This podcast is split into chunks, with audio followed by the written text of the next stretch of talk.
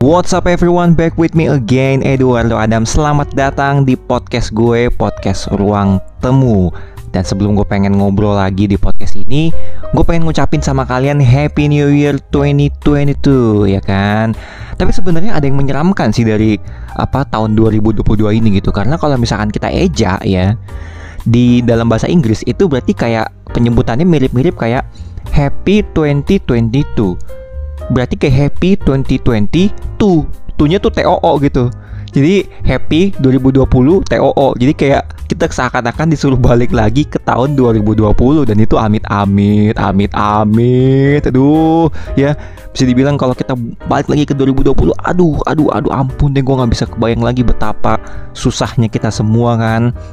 Covid mana masuk pandemi baru mulai naik semua ekonomi hancur berantakan. Waduh kacau sih itu. Jadi semoga tahun ini benar-benar jadi tahun yang bisa membuat kita lebih baik lagi dari segi fisik maupun mental.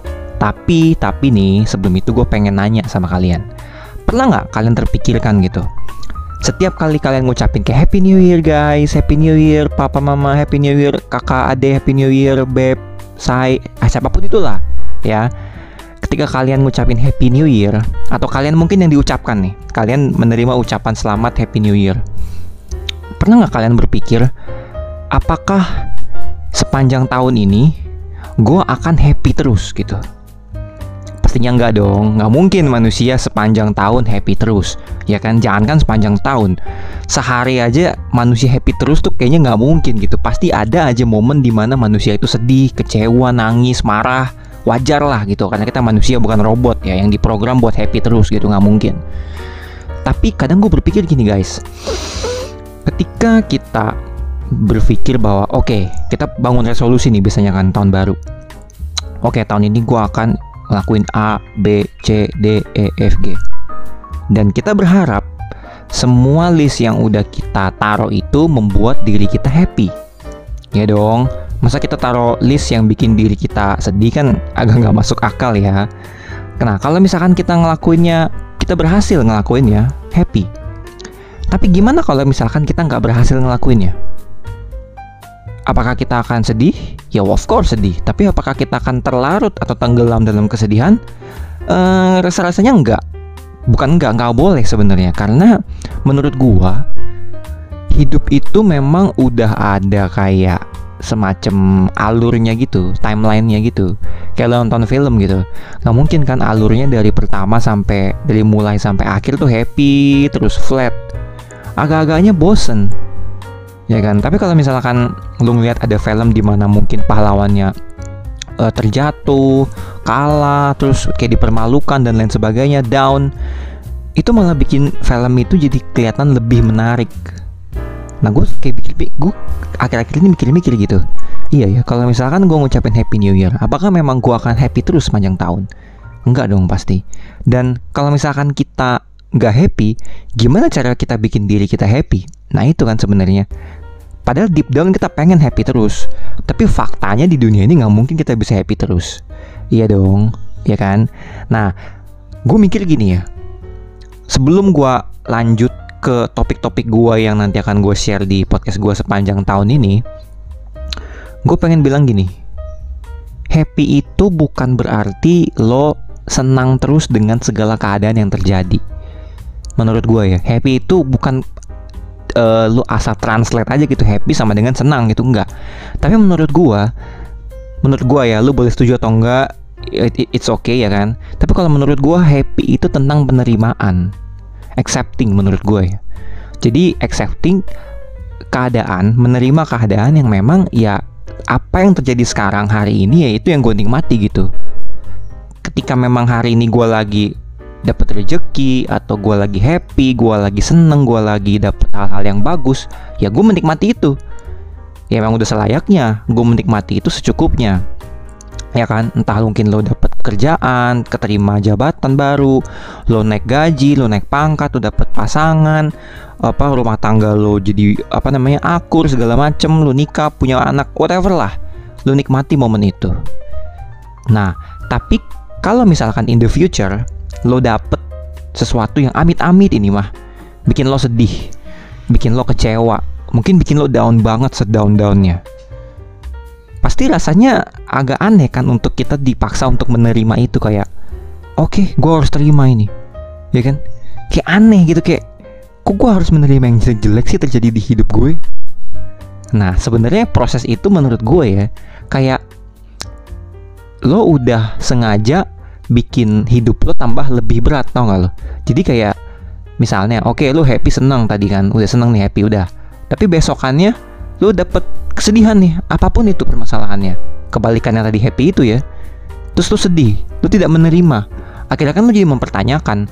Dan amit-amitnya yang paling bahayanya adalah lo mempertanyakan value diri lo sendiri. Lo jadi mempertanyakan kapasitas lo bahkan lo bisa aja masuk ke dalam fase di mana lo terlalu stres depresi yang amat sangat ya kan? Yang sampai lu nggak bisa memaafkan diri lo sendiri. Nah itu menurut gue yang bahaya guys. Ya jadi kayak uh, bahkan setelah gue ngalamin itu semua gue berpikir bahwa happy itu bukan cuma soal seneng dan bukan bu, bukan cuma ya bukan malah bukan soal seneng tapi kembali ke penerimaan. Jadi ketika ada momen indah dalam hidup gue of course gue terima dan gue nikmati secukupnya. Tapi ketika ada momen pahit momen yang gak enak ya udah gue belajar untuk mau menerima ini. Karena kalau gue nggak menerima ini gue akan masuk ke fase denial. Dan ketika kita denial itu kita nggak akan grow karena kita kayak menyangkal perasaan yang dalam kita gitu. Kita mau nangis kita mau marah kita deny. Kita mempertanyakan kenapa gue ngalamin ini? Gue bukan mau ngadu nasib tapi lebih kepada kita harus lihat bahwa dunia ini tuh bukan cuma soal kita. Tapi ada banyak orang di luar sana yang mungkin nasibnya jauh lebih parah dari kita, tapi mereka masih punya semangat untuk melanjutin hidup mereka. Sementara kita yang sebenarnya kalau kita mau ukur ya kan, meskipun memang kesedihan bukan untuk dibanding-bandingin ya, tapi secara pribadi kita bisa ngukur di pikiran kita bahwa iya ya, dia aja yang kena begini. Kalau misalkan gue di posisi dia, gue udah gak ngerti lagi dia bakal kayak, jadi kayak gimana. Nah, sementara kalau kita bandingin sama diri kita sendiri, kita belum jauh dari apa-apa gitu. Kita tuh masih bisa. Bahwa kita sebenarnya cuman bisa dibilang kayak terlalu mengasihani diri kita sendiri sehingga kita nggak bisa grow gitu. Itu yang gue pelajari di bisa dibilang tahun 2019 sampai 2021 pertengahan kemarin gitu. Bahwa sebenarnya lo mau sedih terus-terusan atau mau atau lu mau sedih terus bangkit itu semua ada pilihan di tangan lu. Nah, gimana caranya lo bisa untuk bangkit dari kesedihan dan live your life ya? Maksudnya lo menjalani hidup lo, bukan cuma hidup doang kayak zombie. Ya udah, uh, gua kerja apa makan, udah hiburan, enggak enggak ada warnanya gitu, tapi lebih kepada lo menghidupi diri lo sendiri gitu.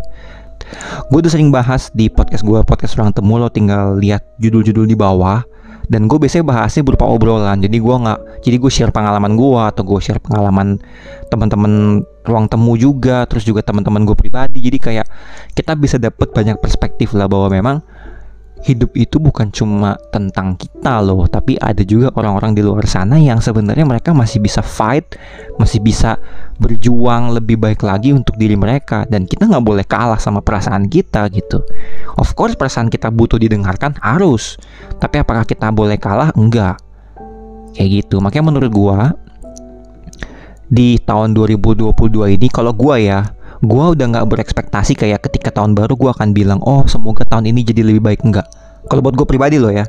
Tapi gue ngomong bahwa apa pun yang terjadi di tahun 2022 ini gue harus fight. Gue nggak boleh nyerah. Gue harus lakuin yang terbaik yang gue bisa. Hasilnya kayak apa gue serahin sama yang maha kuasa. Gue serahin kepada semesta. Karena gue udah ngelakuin yang I'll, I'll do the best I can gitu. Jadi gue udah ngelakuin yang sebisa gue yang yang di yang bisa gue kendalikan ya diri gue ini. Hasil yang gue dapat seperti apa ya itu nanti urusan belakangan. Gitu yang penting gue udah ngelakuin bener gue nggak nyakitin orang gue apa mindsetnya positif. Ya udah. Menurut gue itu udah lebih dari cukup gitu. Karena kalau kita terlalu mikirin oh ntar kalau misalkan gue begini yang lain gimana ya? Aduh men men. Gak aduh lu jauh dari kata happiness men kalau lu masih mikir omongan orang. Nih gue kasih tau ya lo diem aja nih ya. Lo diem aja tuh bisa difitnah orang. Ini gue ngomong karena gue ngalamin ya. Lo diem aja bisa disalahin orang. Jadi makanya menurut gue at least lo punya niat yang positif. Apa pun yang lo lakuin selama itu positif lakuin. Ketika lo salah ya udah minta maaf. Cari salahnya di mana perbaiki. Kalau misalkan itu orang nggak mau mem, apa ngomongin masalahnya sama lo ya udah berarti emang tuh orang cuma mau marah-marah aja nggak jelas ya udah tinggalin aja manusia kayak gitu gitu oke okay? jadi sekali lagi gue bilang Happy New Year buat kalian semua di tahun 2022 ini. Semoga tahun ini, ya of course lah gue akan bilang tahun ini jadi tahun yang lebih baik. Tapi lebih daripada itu gue pengen kalian punya mental bahwa uh, apa pun yang terjadi, gue akan tetap fight. Karena gue cinta sama diri gue, gue percaya sama mimpi gue, bahwa ke depan pasti akan jauh lebih baik daripada hari ini. Kayak gitu. Karena gue gua gua aja gue bisa fight gitu sama diri gue sendiri. Kayak gitu oke? Okay? thank you so much guys yang udah dengerin podcast ruang temu. Ya buat kalian yang pengen bertamu di ruang temu ya kan? Langsung aja dengerin podcast ini. Uh, gue planning seminggu sekali pasti ada episode baru kalau gue lagi banyak waktu gue seminggu dua kali gue kasih episode baru tentang apa aja dok tentang banyak hal tentang kehidupan relationship family issue tentang mungkin lo di pergaulan kayak gimana pokoknya hal-hal yang berhubungan sama personal life lo lo boleh cerita bebas langsung DM aja ke Instagram gue at edo underscore mcallister oke okay? di situ kita bisa ngobrol-ngobrol dan kalau misalkan lo pengen ya let's say uh, mungkin ngobrol langsung sama gue ya nggak apa-apa langsung DM aja nanti kita obrol di DM oke okay? Segini dulu kali ya untuk episode kali ini. Thank you so much. Gue Eduardo Adam signing off. Remember we only live once, so spread the love and stay positive. Bye bye.